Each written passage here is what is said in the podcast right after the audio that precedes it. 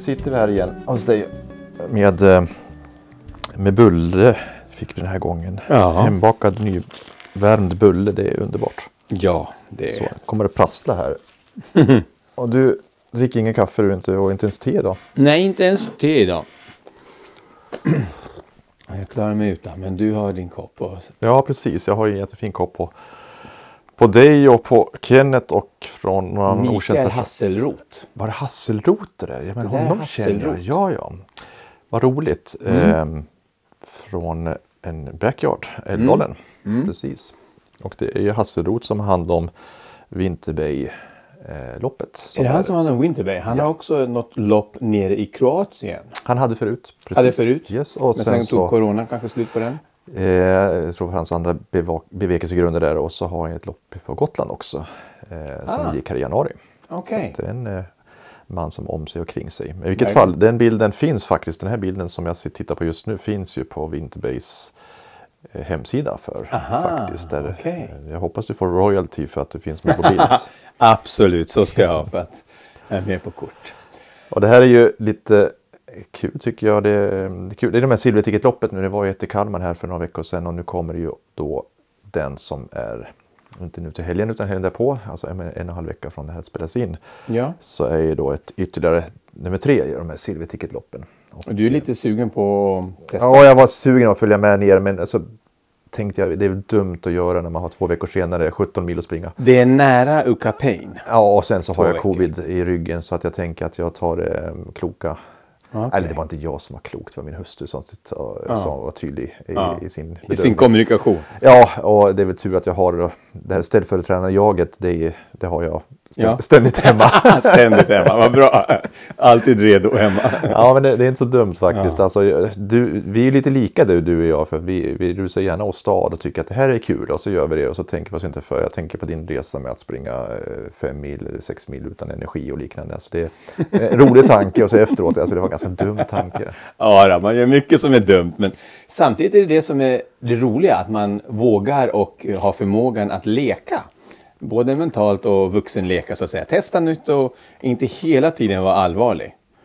Ehm, Jag tror att det eh, Jag i alla fall behöver vara ganska allvarlig i mitt jobb så det är så skönt att kunna vara lite barnslig och lekfull i fritiden, på fritiden på sitt eh, sätt. Ja, leken är viktig. Jag lyssnade alldeles nyss på eh, Vetenskapens Värld. Eller på radio. Eh, det är stort sett alla djur leker. Och man vet inte varför. Man vet inte vad leken är till för ens. Till Nej. och med kycklingar leker. Alltså. Ja. Och ja, till och med. Det, alla djur leker. Och, Ja. som sagt, man, man vet inte vad leken egentligen handlar om. För någonting. Vad, det, vad den gör med människor Nej. såväl som djur. Ja. Men den är viktig. Det vet man. Ja. Det finns ju till och med ett begrepp för det där, homo ludens, den lekande människan. Ehm, som antropologerna använder sig utav för att beskriva att vi människor är lekfulla i oss. Och jag vet inte, jag kan inte antropologi så himlans bra men jag har hört eller sett att det finns där teorier om att det har någon sammanbindande funktion för oss människor. Sen kanske det har andra funktioner för andra arter men, men för oss människor att det binder ihop oss, att det är bounding som, som blir med lek. För det är som du säger, alla kulturer har det. Eh, Så fort man kan sparka en boll så, så sparkar man boll oavsett var på världen man bor någonstans. Ja, eller olika sällskapsspel överhuvudtaget som utformas. sällskapsspel. Som är helt okända för oss i olika Ja, sammanhang. Men i vilket ja. fall. Att, Och eh, rollspel, det har ju ytterligare en annan funktion. Jag kan tänka att det är verkligen någonting som både kan, alltså teater och sådana rollspel, kanske dans till och med, som kan eh, öka den sociala interaktionen, som kan öka social koherens, sammanhållning. Det kan jag tänka. Såg du programmet om dans, den dansande människan som Nej. var i, på tv för två dagar sedan? Nej. Nej. Det handlar om dansen och vad den gjorde med människans eh, utveckling och hur den eh, var över alla kulturer och, och sådär. Och jag, det var ett jättebra program, men det som jag tänkte mycket på att det hade lika gärna kunnat byta ut ordet dans mot löpning. För att det handlade om att repetitiva rörelser, i det här fallet då till musik för det mesta, men i grupp. Och hur det gjorde med oss och vad det innebar och att alla kulturer hade det och att vi dansade och sjöng. Eh, man har till och med sagt att barn dansar innan de kan sjunga, eh, följa med i musik och i takt och sådär. Och jag tror att man kan eh, använda ordet löpning. Jag tänkte på våra verksamheter. Mm. Vi gör repetitiva, monotona rörelser ihop i grupp som gör att på något vis så, så känner man att det växer fram någonting, en samhörighet. Mm. Det där är ju, som, tror vi har pratat om det just när man kommer i synk med varandra, man tar samma löpsteg, samma takt och allting. Det, det är också någonting som, som sker där. Ja. Eh, som ganska snart, vi har, vi har gärna ett önskemål undermedvetet att just göra saker i takt. Ja. När vi springer ja. många gånger. Och eh, det är svårt att springa med en person som man är otakt med hela tiden tycker jag. Ja, det är det. Eh, ja, det, det var en spännande anekdot. Ja, det är en väldigt spännande anekdot. Det finns mycket som eh, är tänkvärt och jag tror att det där gör, både löpningen och dansen, gör någonting med oss. Jag, jag kan inte riktigt sätta fingret på det. Någon form av utveckling, att det är utvecklande. Um, vad menar du, vad är utvecklande? Alltså mentalt? Dans eller löpning ja, eller men, så i grupp. Ja. Uh, att det gör att vi kommer längre i vårt mående, om jag får vara så diffus. Uh, jag kan inte riktigt sätta fingret på det återigen. Alltså att man kommer till ett mående som man inte annars befinner sig på. Så kan man säga. Okay. Ja. De i filmen förklarar dansens effekter med hjälp av hormoner, med endorfiner och eh, kropp, kroppskontakt i dans och eh, vasopressin, ett annat hormon som händer när man har kroppskontakt som är välbefinnande. Och så förklarar de i filmen och det är säkert så även med löpning till en viss del. Vi pratar väldigt mycket om endorfiner. Men jag tror att det är någonting betydligt mer än bara hormonellt. Mm. Jag tror att det händer någonting djupt inne i oss som jag har svårt att definiera, som jag sätter fingret på. Det utvecklar oss eller förändrar oss eller eh, transcenderar oss eller påverkar oss eller vad du vill använda för fint ord. Ehm, det jag tycker det är väldigt intressant att du som psykiatriker här börjar prata om att ja, men det är någonting annat än det här substansen eller hormoner vi pratar om utan det är någonting som händer djupt inne i oss. Alltså mm. du, som agnostiker så är det väldigt nära nu någonting religiöst här ska jag påstå.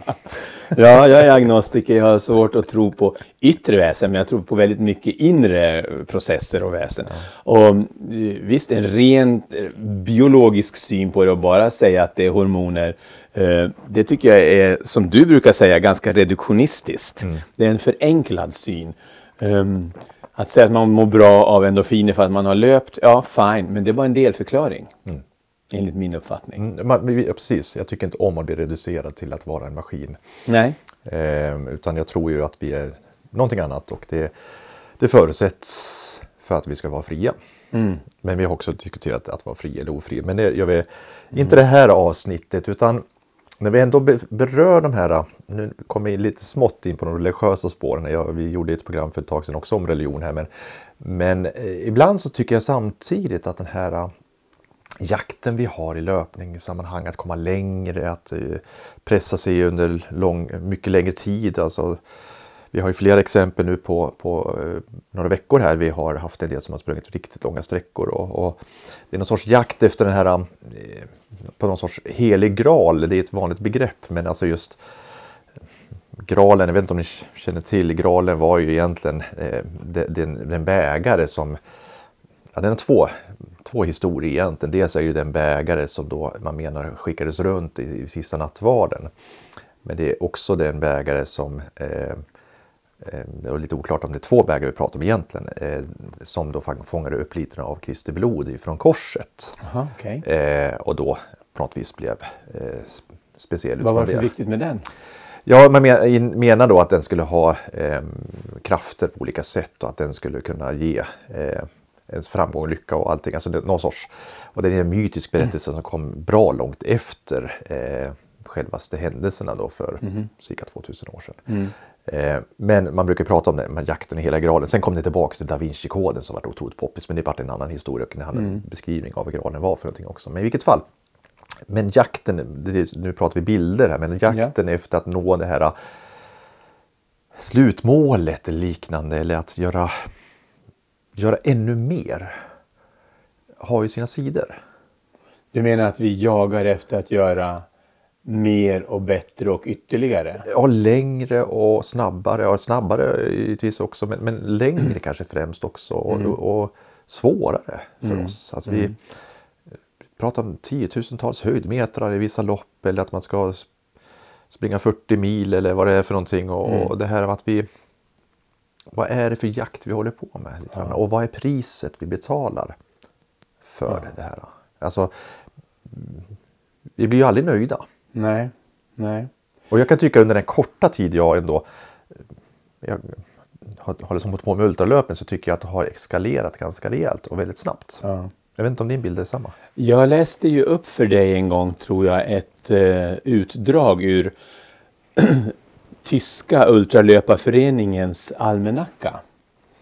En gång, deras eh, kalender där, de, där de listar liksom lopp som är på gång över hela Europa. Ja. Ultralaufvereinigung, ULV tror jag de heter, .de. Och de har en kalender där de listar aktuella och pågående lopp och sådär. Och jag tror att jag läste upp för dig första sidan i den där kalendern, den är ju många sidor. Och alla de loppen var ju absurda. Det var liksom 200 miles var den kortaste sträckan. Spring fem gånger tio dagar. Spring från Hannover till Berlin. Spring liksom det här och det där. Alla loppen var extrema till sin omfattning. Och att titta på det här, har vi hunnit hit nu alltså? Är det sådana här extremlopp som är aktuella? Vad, vad, är, vad är vi på väg? Som en illustration av att jag reflekterar också över att det blir så övermänskliga prestationer som krävs av folk.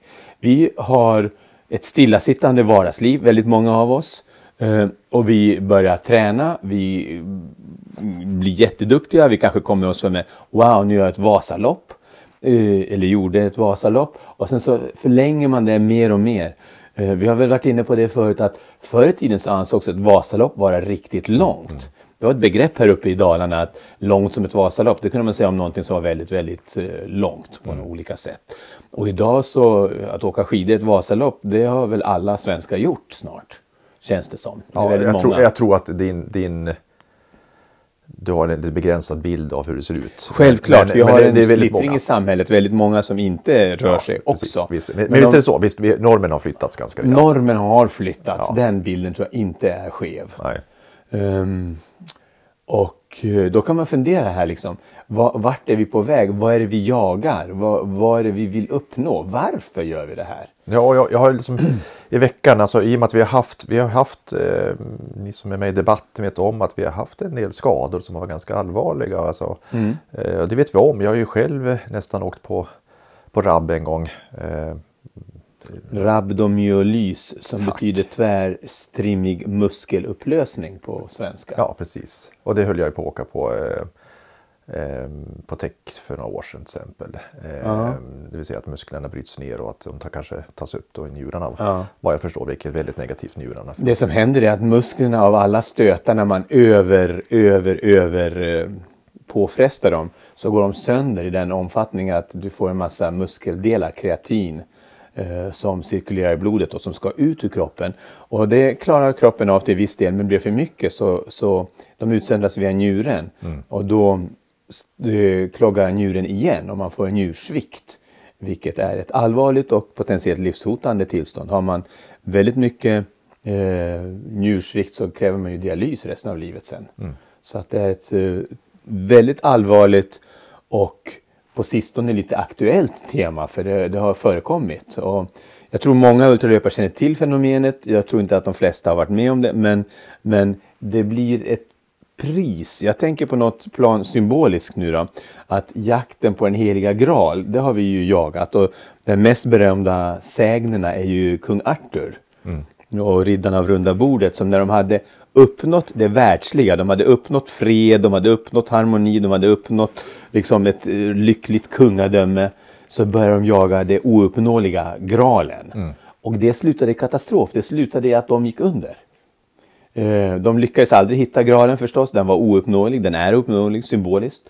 Och jag tror att man kan tänka även så för löpare. Vi har uppnått bra fysiska prestationer, många okej inte alla, många har åkt Vasaloppet. Vi, vi klarar av att göra eh, normala, inom citationstecken, normala prestationer.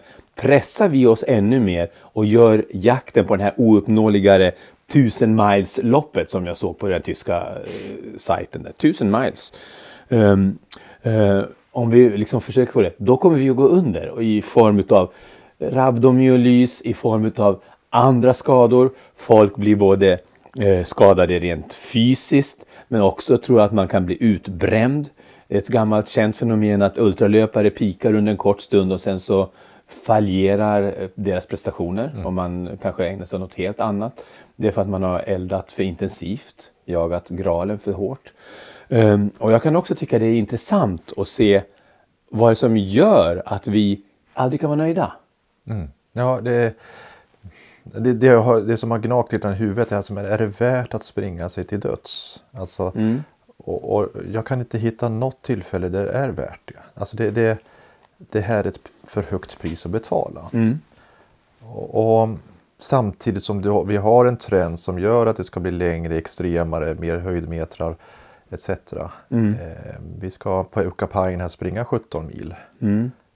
Och jag såg när man är 40 anmälda i alla fall, tror jag nästan vi är nu på, Ja, på den ja. sträckan. Ja.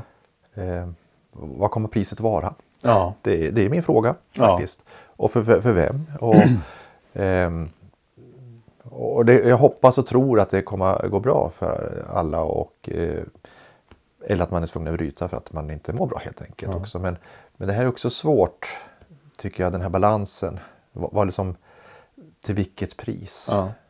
Och priset behöver inte nödvändigtvis vara kroppsliga skador. Det räcker med att man eh, inte klarar av det och blir väldigt ledsen eller nedbruten eller eh, besviken för att man inte klarar det. Det är också ett pris. Ett psykologiskt pris som man betalar. Absolut. Och man kanske liksom eh, ja, blir eh, på olika plan eh, får betala det här priset. Så. Um, Men det där är ett intressant fenomen. Varför blir vi aldrig nöjda? Varför ska vi... Vad är det olympiska kommitténs eh, motto? Fortius, Altius, eh, Faster, better, stronger. Eh, Ja, precis. ja, på, hela tiden. och det tycker jag också är en eh, pekan mot det här. Liksom. Det, det ska alltid vara faster, stronger, better. ja, Ja. Fortius, Altius, Longius, något sånt. Mm.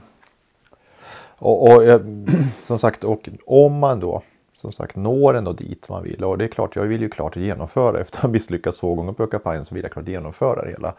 Ehm, och sen då? Blir du motiverad av det eller blir du eh, jobb, tycker du att det är jobbigt? Ja, I mitt fall blir jag motiverad. Jag tycker bara det ska bli väldigt kul. Jag tänker, ja, vad kan gå fel den här gången? Eh, tänker jag. Och, ehm, Vad kan gå fel? 17 mil i Ja, det, Älvdalsskogarna. det på, ja men visst, det pågår en debatt. Ja, men nu, den här gången slipper vi i alla fall eh, mörkret och regnet och kanske på samma sätt som tidigare. Och jag, jag tänker, ja det lär säkert bli lika eländigt ändå liksom. Eh, Jag- Jag ska förklara. Ukapain är ett lopp som Sweden Runners håller i Älvdalen som är ett 100 mi- miles lopp i brant kuperad eh, skogsterräng kan vi säga. Ja. Som är känd för att vara väldigt, väldigt jobbig helt enkelt. Ja. det, är det och det finns säkert finns ett lopp som, som påminner också. Men det är en tuff eh, tävling. Ja. Men eh, eh, fast jag, jag har ju också, jag, jag har ju flyttat fokus. Alltså jag börjar så pass gammal så jag tänker inte kommer jag det är inte att vinna utan det genomföra det handlar om. Ja. Eh, men jag ser också fram emot att just få, få träffa människor som jag ser fram emot och möta på startlinjen. Och även de som startar klockan vi startar klockan fyra på eftermiddagen på fredagen på, i Kristi himmelfärdshelgen. Och sen på klockan sex på morgonen går i tio milen en gång. Och då kommer vi, om vi är igång fortfarande, vilket jag hoppas, då kommer vi möta dem. Och sen så går ju femmilarna och 28 kilometerslöparna går igång klockan 9 eller 10 och då Ja. kommer vi möta dem också. Och, och det, det är ju någonting som kan ge energi också. Det, och det, det ger energi. det är ju det jag är ute efter, att få, liksom, få vara i det sammanhanget. Att vara en del av leken kanske. Eh, Snarare jag försöker se det som. Eh, men givetvis så finns det också en tanke om det är klart jag ska försöka prestera så bra jag bara kan. Mm. Men eh, det här ser inte jag en... Jag har min, min, jag fortfarande svit efter covid här men, men eh, det här ser jag ju som en mental kamp. Ja. Främst. Men inte till priset av... Alltså när jag fick eh, var på gränsen att få rabb. Alltså det, det var ju det som hände, det som jag efter sprungit tex. Så, för jag slog sönder mina lår helt enkelt. Ja. Och jag hade, de stelnade till. Jag satt för länge inne i depån, i varvbana och sen sitter man i depån. Och jag satt för länge, de hann stelna till och så är det lite backar från början. Jag hade ont. Och då sprang jag rejält med de benen och tänkte att nu ska jag bli av med smärtan. Och de försvann ju efter smärtan efter två kilometer. Mm, jag tänkte fine. Men vad jag egentligen gjorde var att jag slog sönder musklerna. Mm, precis. Gång på gång. Ja. Och då på natten när jag kom till hotellet efter jag var klar med loppet så, så gick jag på toaletten och sen så är det ju en väldigt mörk färg på urinet helt enkelt för att mm, tala klarspråk. mm. Och Just det, det. berättade jag för min hustru och eh, hon, jag såg bara på henne att hon var rädd. Ja. Och Jag, först, jag orkade inte prata då för det, det, ja, jag var så trött så jag tänkte jag tar det sen. Och en vecka senare så frågade jag henne, men vad, jag såg att du blev rädd, varför? Ja, sa hon, jag såg framför mig att du hade dialy- dialys resten av livet precis som du nämnde. Ja. Det var det hon var rädd för, liksom, att ditt liv kan bli förändrat av det här. Och liksom, typ, är det värt det? Du själv förstod inte läget då? Nej, jag förstod inte läget. Nej. Men efter det har jag blivit så medveten om att ha koll på det här. Ja. Alltså det får aldrig hända. Och du säger en viktig sak här, att man måste ha koll på läget. Eh, Man måste ha koll på sin kropp, eh, sina eventuella urinfärger. Mm, Och därför är det så viktigt det här som jag tror vi har nämnt förut och som inte alla gör. Det är att man maskerar symptomen. Vi kanske känner att det gör ont och så behöver vi ta värktabletter när vi springer.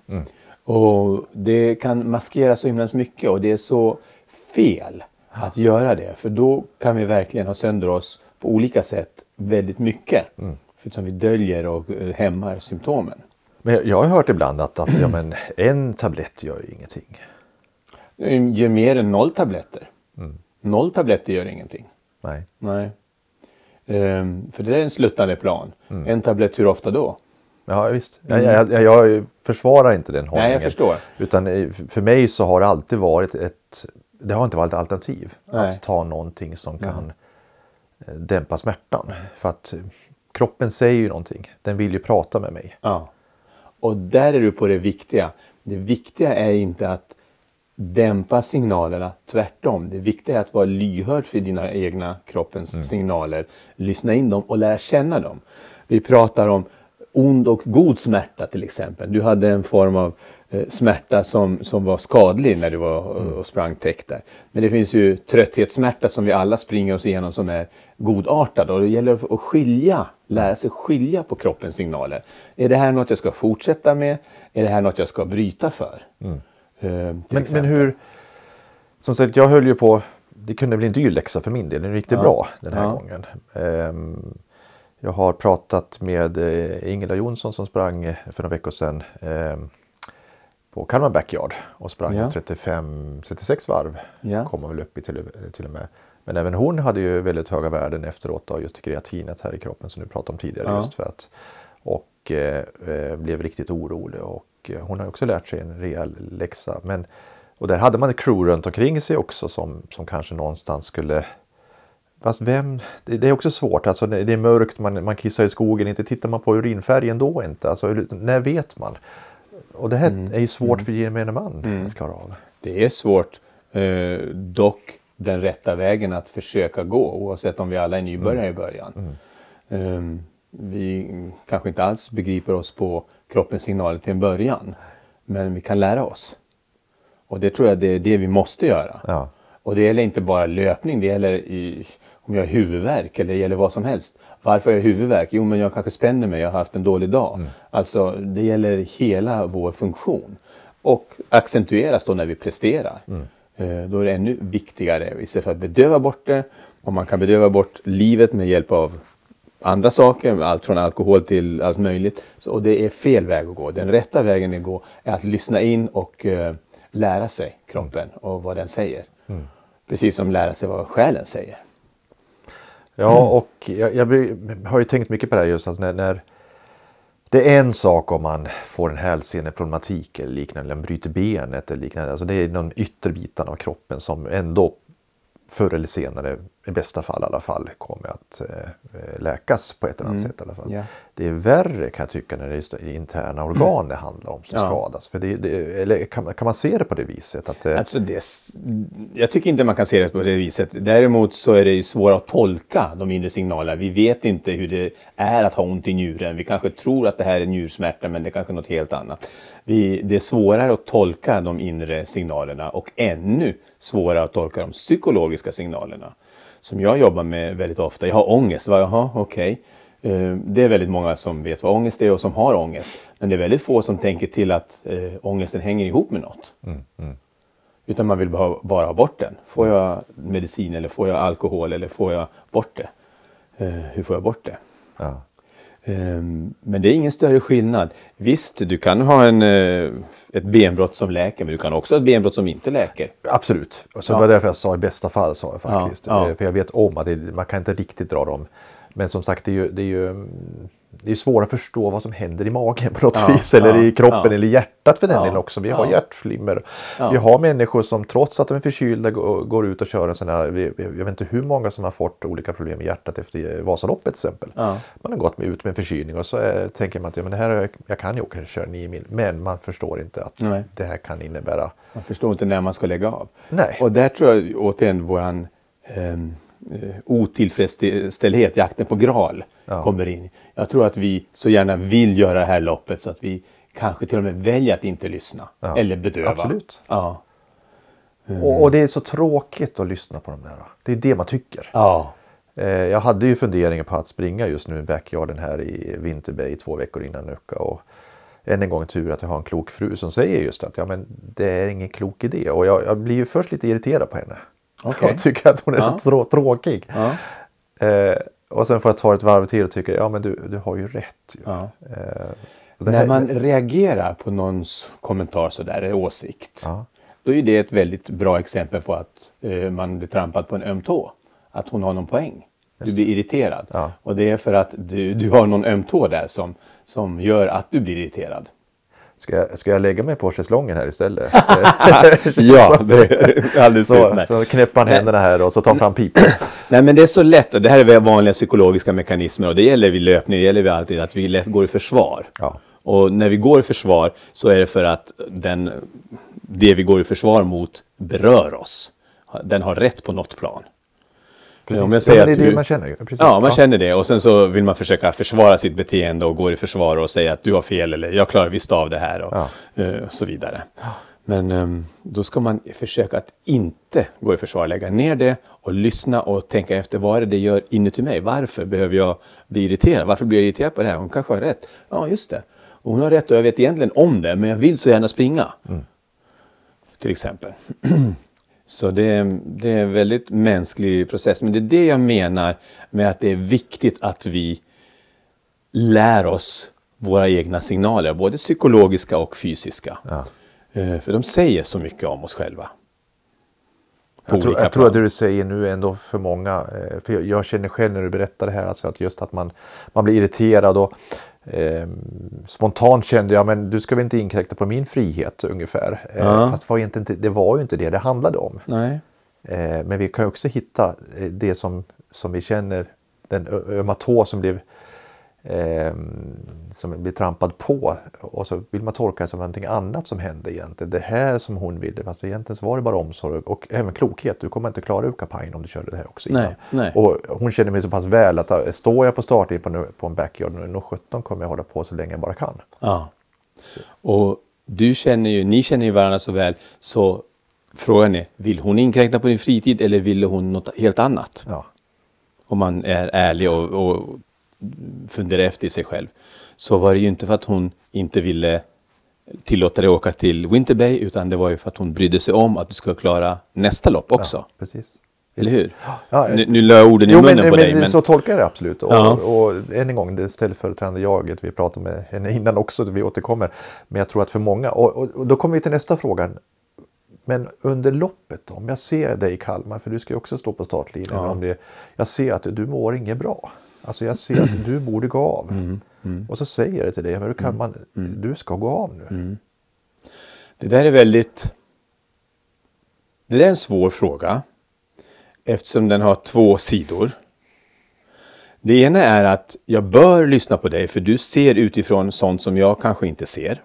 Jag kanske är likblek, fast det kan jag inte se, jag har ingen spegel. Det kan vara saker som du uppfattar som inte jag uppfattar.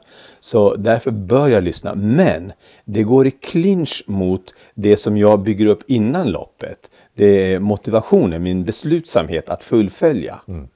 Och det där är en svår avvägning. Vi diskuterade ju eh, förut när man kommer till en hjälpstation och man säger att man är så himlans trött ja. och funktionärerna säger, ja men stig av då, kom här, nu slutar vi. Ja. ja. Är det hjälp eller är det skälp? Ja, det var hjälp i det fallet. Ja. Um, så, så att det är samma sak, de vill ju dig egentligen väl. För ja. de, ser, du tycker, de, de ser att du tycker att det är jobbigt och du är trött och sen de vill dig väl. Ja men kom ska du ta hand om det, nu lägger vi ner det här. Liksom. Så. Fast det går i clinch mot din motivation för den undergräver din motivation när folk säger så. Du är blek, du borde sluta eller du är trött, du borde gå av. Mm. Ehm, så jag har inget, det finns kanske inget riktigt bra svar. Eh, annat än att man måste, om man kan, försöka lära sig komma till den nivån att man kan själv se sina signaler. Man bör förhoppningsvis vara så klok så att man ser när man mår dåligt. När man inte har den goda smärtan utan när man har den onda smärtan. Ja. Som är skadlig eller nedbrytande eller vad det nu kan vara för någonting. Det här är ju lättare att prata om på en amatörnivå. Mm. Det är ju svårare, låt oss säga att vi har ett 24 timmars lopp och man ligger bra till och så ser man att det här håller på att gå käpprätt åt skogen rent mm. för personen i mm. fråga. Mm. Mm. mm. Då ska det mycket till att plocka av den personen från banan. Ja, och det är en honungsfälla. Jag vill vinna och om vi tar 24 timmars nu senaste Sverige-rekordet här nu. Han gjorde det, han slog det uh, Sverige-rekordet med några 700 meter tror jag det var. Mm. På, 70 meter tror jag det var. 70 meter? 70 meter. På 24 timmar. Ja. Och han syntes inte för alla att han inte mådde bra sista varvet. Som såg honom ja. agera. Um, och det där är en honungsfälla. Visst, han kanske är nöjd att han tog Sverigerekordet. Det måste han ju självklart vara. Och det var det som motiverade att han pressade sig till den grad att han var så slut. För det var verkligen. Ja, men nu vet jag inte om han fick något Nej, jag tror inte det finns någon svit i det fallet inte. Men vi, Tobbe Gyllebring var ju tydlig när han sprang eh, i Växjö för, här i december. Eh, det var också SM-status på det. Ja. Eh, och där så sa ju då, han sprang ju för landslaget så att säga. Där, då fick han just en, just en sån här urinfärg.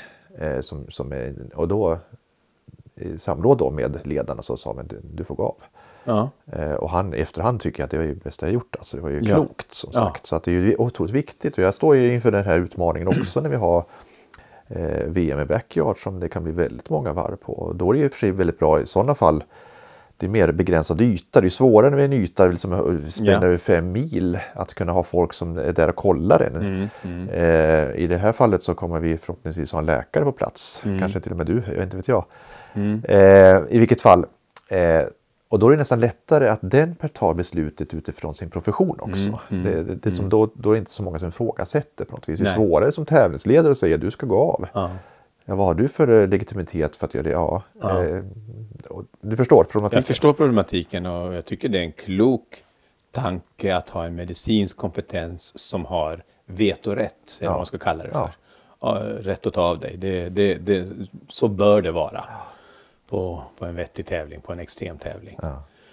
Så. Men är det värt det? Som sagt, det är det här jag känner ja. då. Jag, ja. det, det, jag, har varit, jag börjar närma mig alldeles för många tycker jag, dramatiska situationer ja. där jag känner liksom det här känns oroligt i kroppen för mig att vara i de här sammanhangen och det känns eh, det är lite jobbigt. Det är jobbigt och det är eh, tungt och det som du, du sa i början att vi pushar ju våra gränser så det blir ju sådana extrema prestationer så det kommer kräva fler och fler offer, ja. fler och fler skador om vi tar i så himla mycket. Och vad är värt vad? Jag vet inte. Och, jag, jag, jag, sitter och tänker för fullt. Och, problemet här kan jag tycka också, det är, vi är väldigt självcentrerade i de här sporterna. Det handlar ja. om mig. Ja. Och det, den ytterligare aspekten jag tror vi vill ta in i hög grad det är att det handlar inte bara om mig. Det handlar om min omgivning, det handlar om mina närmast, närmaste som mm. man har runt i familjen och liknande. Mm. För de mm. drabbas ju också om mm. jag råkar illa ut. Mm. Eh, Men klarar du att tänka det när du är där på spåret? Nej, det, det är det som är svårt tror jag egentligen att göra. Eh, men vi måste ibland kanske, åtminstone när vi inte är i spåret, våga tänka den tanken. Det var som jag pratade, jag ska inte referera gång på gång min hustru, men hon är ganska klok. Men jag sa i alla fall en gång, hon tyckte att eh, jag skulle ha hjälm på mig när jag cyklar, vilket är väldigt rimligt egentligen. Ja, men jag sa, jag, jag, jag känner att jag inte har det, så jag. För att jag, jag tror att det går nog bra ändå, tror jag. Ja. Då sa hon det, det handlar inte om dig, det handlar om mig, sa hon. För att eh, om, det, är- om du får en mark i huvudet så är det jag som ska ta hand om det resten av livet. Mm. Vad klokt. Ja, och det är väl där vi måste ibland landa och tänka efter. Ja, men jag har ett ansvar som inte bara handlar om mig, utan jag måste ansvara för att ta hand om mig själv i situationen. Mm. Så att de andra inte ska bära mina ja, misslyckande, om vi ska kalla det. Jag tror det finns ett sätt, det kanske finns flera också, men jag känner bara till ett sätt att vaccinera sig mot sådana här galenskaper. Och det är det sättet som du sa från början, vara lekande. Man måste ha lite av lek i attityden till det här. För då är det, så länge man har leken med så är det så svårt att vara blodigt allvar. Man kommer förmodligen inte sätta världsrekord eller Sverigerekord eller, eller sådär. Men då har man en distans som gör att det är möjligt att gå av när man är där. Eller ehm, att ta in andras upp, eh, vad heter det, uppgifter. Så det, det, där är du på någon form av rätt spår. Att eh, ha med en lekfull glimt i ögat när vi, när vi springer. Det är ju trots allt en lek vi håller på med. Ja, förhoppningsvis så kanske också leken kan pågå längre än just som du var inne på förut också när man har, om man som inte tappar geisten och Mm. tycker bara att det är prestation och press och, och, och eh, sträckor och allting. Och, Då blir man bränd fort. och tycker att ja men och det, det är bekymmersamt som sagt när man hela ty tiden tycker att ja, men jag ska bara springa den korta banan som sägs ibland. Och det är ändå ultradistans så tycker man att det är den korta banan. Ja, Eh, oavsett vilket lopp vi pratar om. Ja. För att man jämför sig. Och det, det är ju än en gång, det, det är leken. Och leken sker nu och här. Mm. Och eh, Och leken gör att man inte...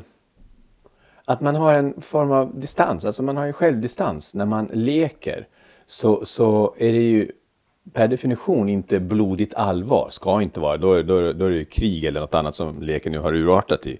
Men en lek, så länge man är inom lekens domäner, så är det ehm, för att, dels för att det är roligt och dels också för att man har en distans till det hela. Som jag tror är viktig. Ja. Man måste ha lite distans till sig själv och det man håller på med. Hur viktigt är det att vinna SM på 24 timmars? Är det värt att jag offrar en njure eller vad det nu kan vara för någonting? Eller det räcker med att jag offrar benen för fem veckor framöver för de är obrukbara i fem veckor. Är det värt det? Alltså så. Vad, vad, vad är vi beredda att betala som sagt? ja, samtidigt så de här personerna som då, eller när man gör någonting så, så då höjs man ju till skyarna i de här sammanhangen. Och Ja. det, man får liksom fokus på sig själv och väldigt fin känsla för det också givetvis. Ja, ja. Det, det, är, det, det är ju en belöning där också. Ja. En del av graalen kanske i viss mån också som kommer till uttryck under en kortare tid tills Ja. nästa gång man ska prestera igen. Eh, Jo, nej, men det finns belöningar, absolut. Man kan vara både stolt och man kan vara liksom välpresterande. och Man kanske inte får några men av den prestationen. Man kanske klarar den alldeles utmärkt. Och, och det är inte fel att prestera, men det kan bli fel, när du, som du säger, att det är extrema distanser med extrema kostnader. Det är väl det vi pratar om. ja, precis. Ja, när det tar fysiska tribut av oss. Um, rabdomyolys. Um, vi ska diskutera lite mer det här med kornealödem som löpare har börjat uppmärksamma nu. Det finns att man inte ser, att man får nedsatt eh, visus syn på, efter loppen som man inte vet vad det är. Som har varit i pressen. Och det finns massa andra tillstånd som vi gör. Det, det vanliga är ju att vi får olika muskelskador och knäskador och ledskador och, och sådär. Och till och med hjärtflimmer och vad det är för något du sa på Vasaloppet. Ja. Ja, inte bara där, i ny löpning också för den delen. Att man kan få hjärtflimmer. Ja, ja, ja, ja, ja men jag bara Visst tog det det som Ja, exempel. Mm. Nej, och det är väl samma sak där. Och, och, men kropp och själ, alltså det, nu pratar vi kroppsliga, men vi ser ju också som sagt vad, vad händer mentalt också. Och jag tror vi är egentligen början av, en, av att kanske få fram, det kommer att bli nya diagnoser, eller kanske inte diagnoser, Ja. men det kommer, Ja. vi kommer upptäcka nya, Nya saker symptom, som, ja. ja, som händer på grund av att vi eh, pressar kropp och inte minst mentalt, alltså psyket pressas sjukt mycket i de här sammanhangen. ja. Och det visar ju en rapport också som jag hoppas vi kan återkomma till just som visar att ja, men ultralöpare har en förmåga till att den som håller på med ultrasporter har en förmåga att pressa just sig mycket längre i smärta. I smärta? Mm. Eh, I smärtan eh, än vad andra gör. Och eh, kanske handlar det snarare om att man, är, man, man lyckas fokusera bort ifrån smärtan snarare än att eh, andra kanske tittar och lyssnar på smärtan. Mm, Det vill säga att man, vi är, vi ska inte säga, men, men att man är duktig på att alltså avleda tanken och fokusera på annat än just smärtan. Mm. Vilket gör också att smärtan kan pågå mycket längre. Och det här är ju väldigt spännande forskning som kommer. Det här var 2020 den rapporten släpptes tror jag. Så att Det finns ett namn för det här, det är ett välkänt fenomen inom psykologin. kallas för att dissociera, man avspjälkar en del av sig själv. Ehm, och den förmågan är olika god hos olika människor förstås. Och jag brukar säga att de som är jätteduktiga på att dissociera, det är ju de som är aktörer, alltså skådespelare och sånt, som kan avspjälka och vara på olika sätt och ändra personlighet och ena dagen glömma sina sorgsna sidor och bara vara komiker och nästa dag tvärtom och sådär. Eh, Det är en välkänt fenomen och den kan ju bli ganska uttalad och den kan vara skadlig och ett, eh, en diagnos i värsta fall. Eh, så- Så att den kan ju ge oss olika Eh, Det är ju den klassiska diagnosen man har för det som folk tänker på schizofreni. Då tänker man ju två personer, det är den populärvetenskapliga Ja. eh, bilden av schizofreni. Men när man har två personligheter, vilket man kan ha, så är det inte alls schizofreni, utan då är det dissociation, då man avspjälkat en del av sig själv så att man är eh, pappan Janne i ena rollen och i den andra så är man lilla barnet Janne, eller vad man kan vara för Ja, någonting. Ja.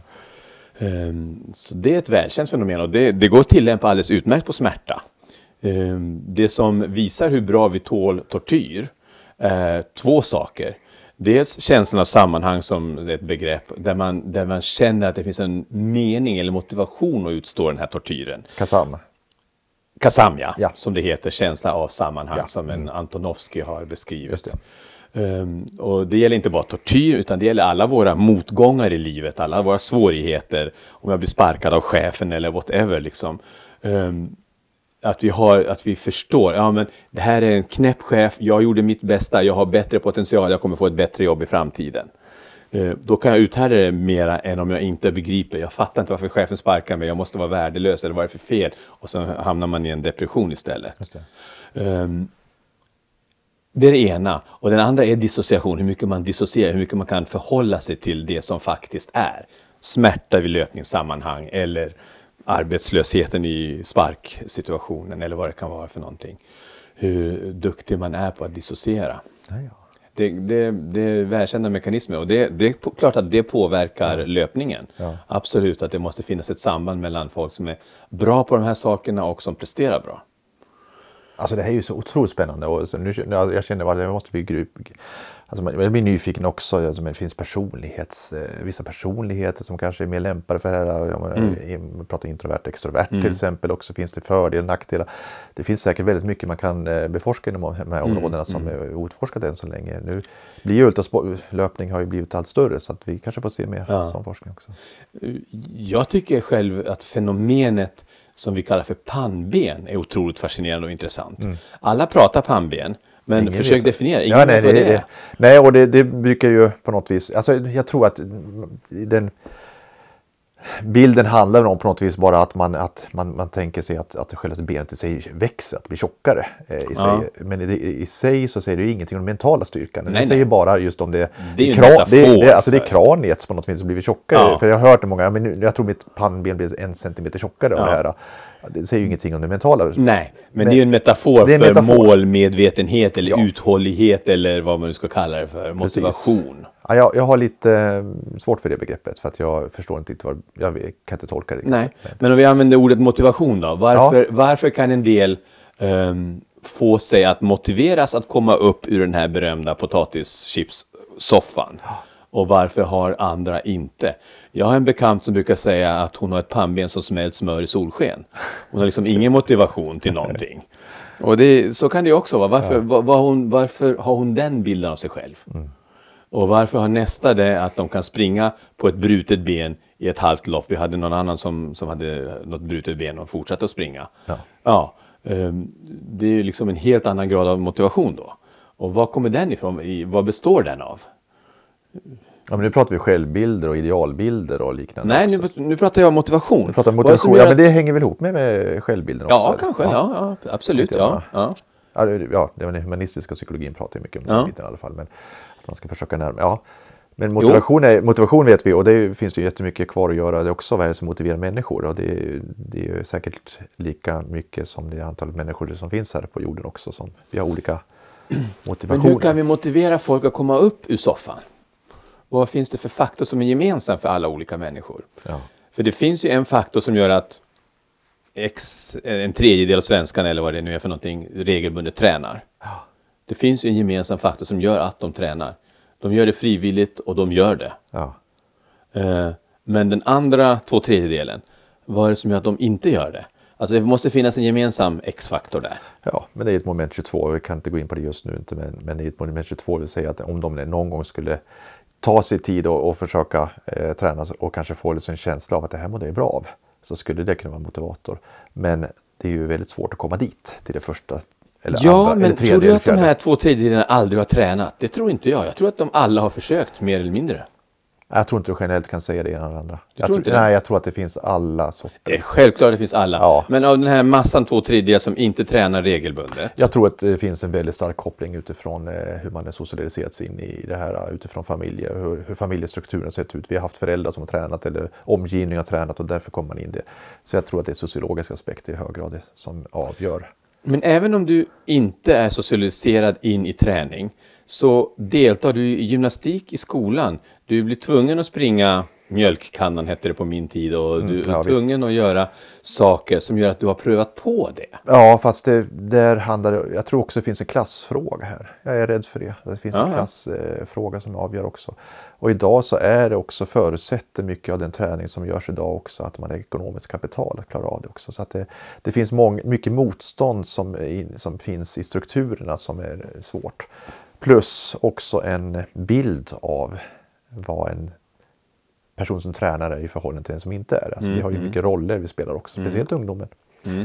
Så att, eh, men det här tror jag vi, vi får nog överlåta det till ett senare program, men otroligt intressant. Eh, Det, det, det är vår största utmaning, alla vi som eh, jobbar med de här frågorna och lyssnar på det här. och Att hur ska vi få vår omgivning att just, alltså det, bekost, det skulle bespara landstingen, regionerna hur mycket pengar som helst Ja. och vården överhuvudtaget. Alltså, Ja.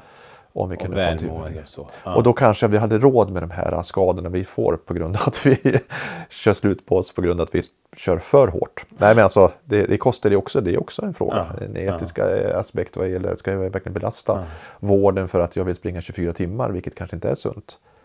Eller sex dagar. Mm, precis. Ja. Ja. ja, det är spännande frågor Janne. Det är otroligt intressant att tänka igenom eh, våra drivkrafter, våra motivationer, våran otillfredsställelse och jakten på den ouppnåeliga graal. Ja, den är en mytisk berättelse så den finns ju inte och det är väl det som är problemet med det här också. Man har letat efter den till och med men på samma sätt som det är en myt så kanske också myten om lycka eller att jag ska bli färdig någon gång just bara en myt. Men myterna formar oss. Det var avsnitt 29 av Löparens själ i samarbete med Sweden Runners och jag vill slå ett slag för den tävlingen då som kommer härnäst som Sweden Runners arrangerar Uka Pain i Älvdalen. Det betyder vilken möda på älvdalska. Och ehm, ett långlopp, man kan ha olika sträckor. Det är kul om många är med och gör sitt, eh, sitt, sitt, eh, sitt lopp. Det vore kul att få sträckan. träffa några av våra, våra lyssnare tycker jag. Ja, det är med. Absolut. Ha det bra där ute, löp väl och kom ihåg, lek lite grann också. Tack för oss så idag. mycket. Hej. Hej.